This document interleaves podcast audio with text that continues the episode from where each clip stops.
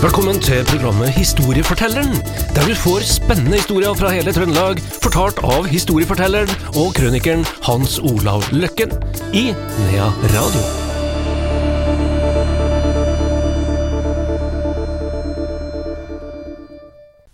Historiefortelleren her i Nea Radio er tilbake igjen. Her eh, sitter Hans Olav Løkken. Velkommen, Hans Olav. Jo, takk, takk. Det skal handle om flystevne i dag. Vi skal tilbake til 1937. Vi har jo tidligere vært innom to flystevner, et i 1955 og et i 1958, men nå enda tidligere. Ja. Og det her flystevnet her, de er kjent på grunn av en som da var med på det stevnet. Og vi er nå bare tre år før krigsutbruddet. Det er litt mørke skyer på den europeiske Det er himmelen. ganske mørke skyer, og de intelligente mennesker visste jo om det der. Og så var det noen som la, lot, lot som de ikke visste om de mørke skyene. Det er vel der vi gjorde feilen, da. Men eh, 37, tja, hva skjedde da, da? Jo, vi må holde oss litt i luftfarten, så vi begynner med Hindenburg-ulykka, som da satte en sluttstrek for luftskipene. Det ble aldri noe luftskip i verden, enda vi har ankerfeste på Værnes. Og Der står det en dag i dag, og jeg har da utnevnt til verdens første kontrolltårn, og ingen har sagt imot meg, så den overlever sikkert, da.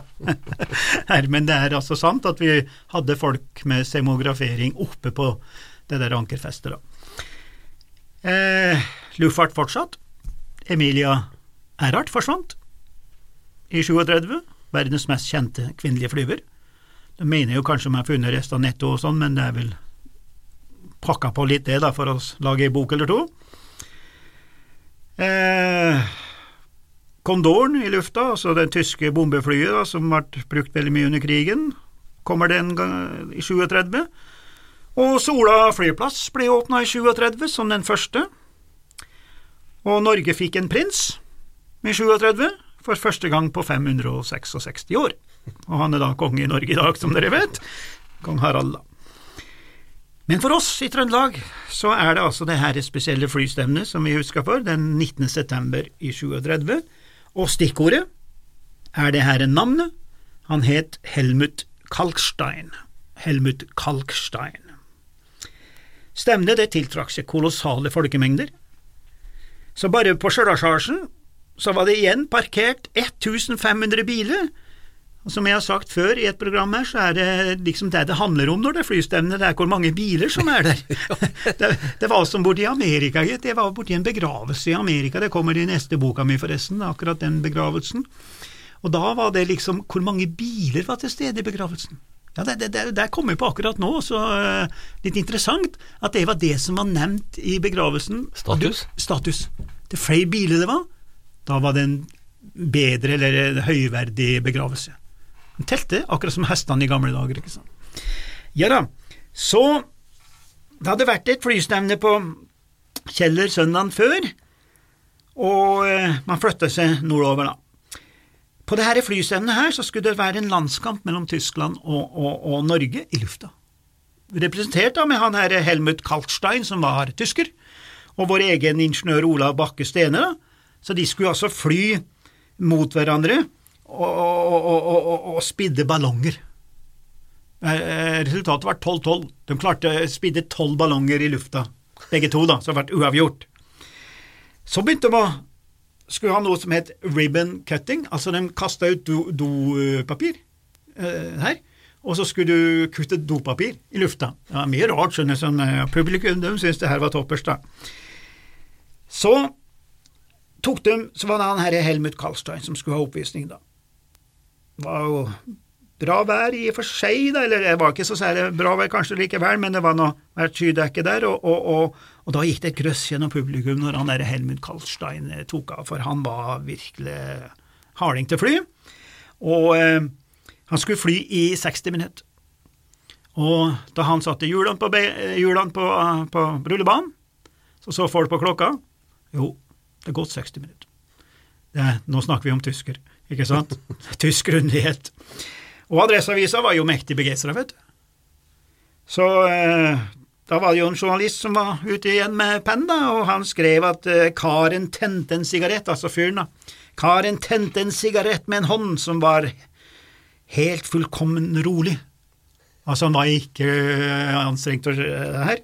Og Adresseavisa fortsetter, og følg nå med, her skal du høre hvordan journalistene tar i, vet du. Fuglene, altså fugler, fuglene ble utkonkurrert.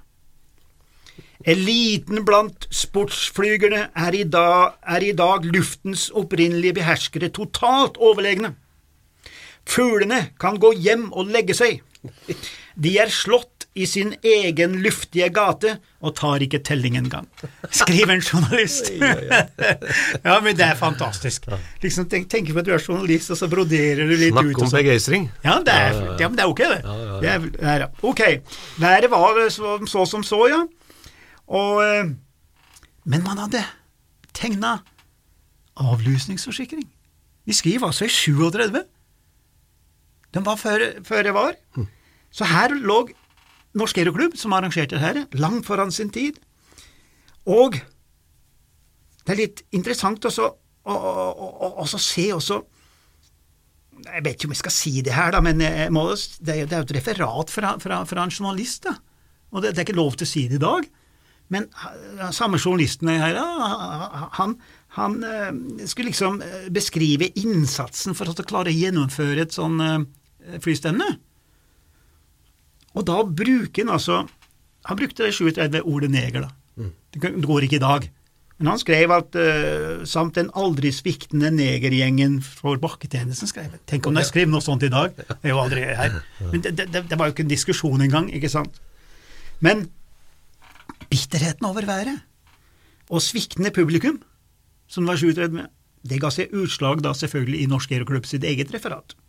For der heter det seg det lå i sakens natur at hver gang Norsk Aeroklubb arrangerer flystevner, var det regnvær.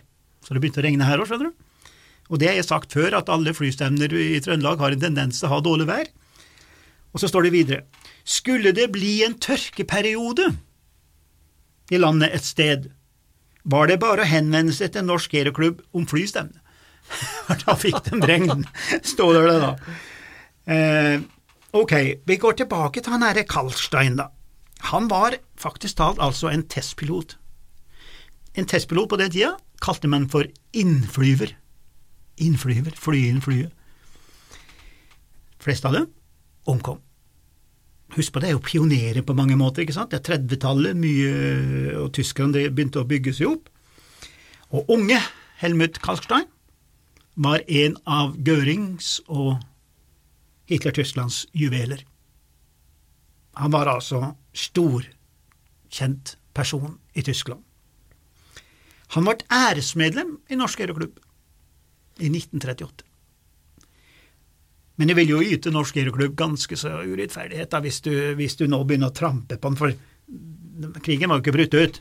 Så han ble jo æresmedlem fordi han var en eh, dyktig flyver og, og, og inspirator i luftfartsmiljøet også i Norge. Så, så det har jo ikke noe med krigen å gjøre.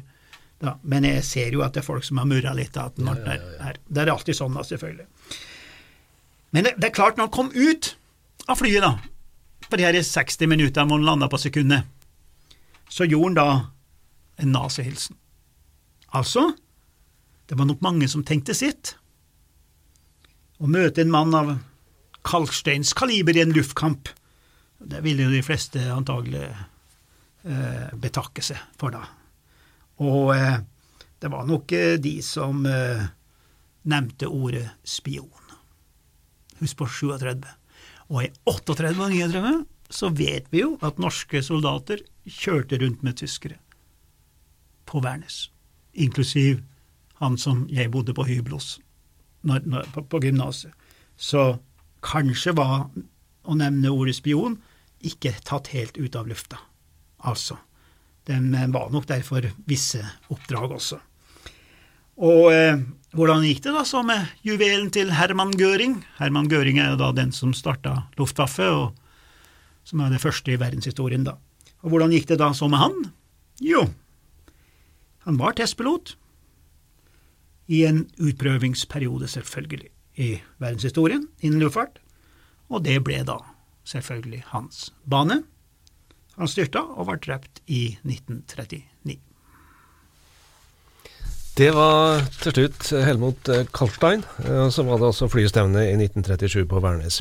Takk skal du ha, Hans Olav Løkken. Det var historiefortelleren i dag. Historiefortelleren får du eh, til samme tid neste uke. Husk også at du kan høre Historiefortelleren som podkast, der du vanligvis eh, hører dine podkaster.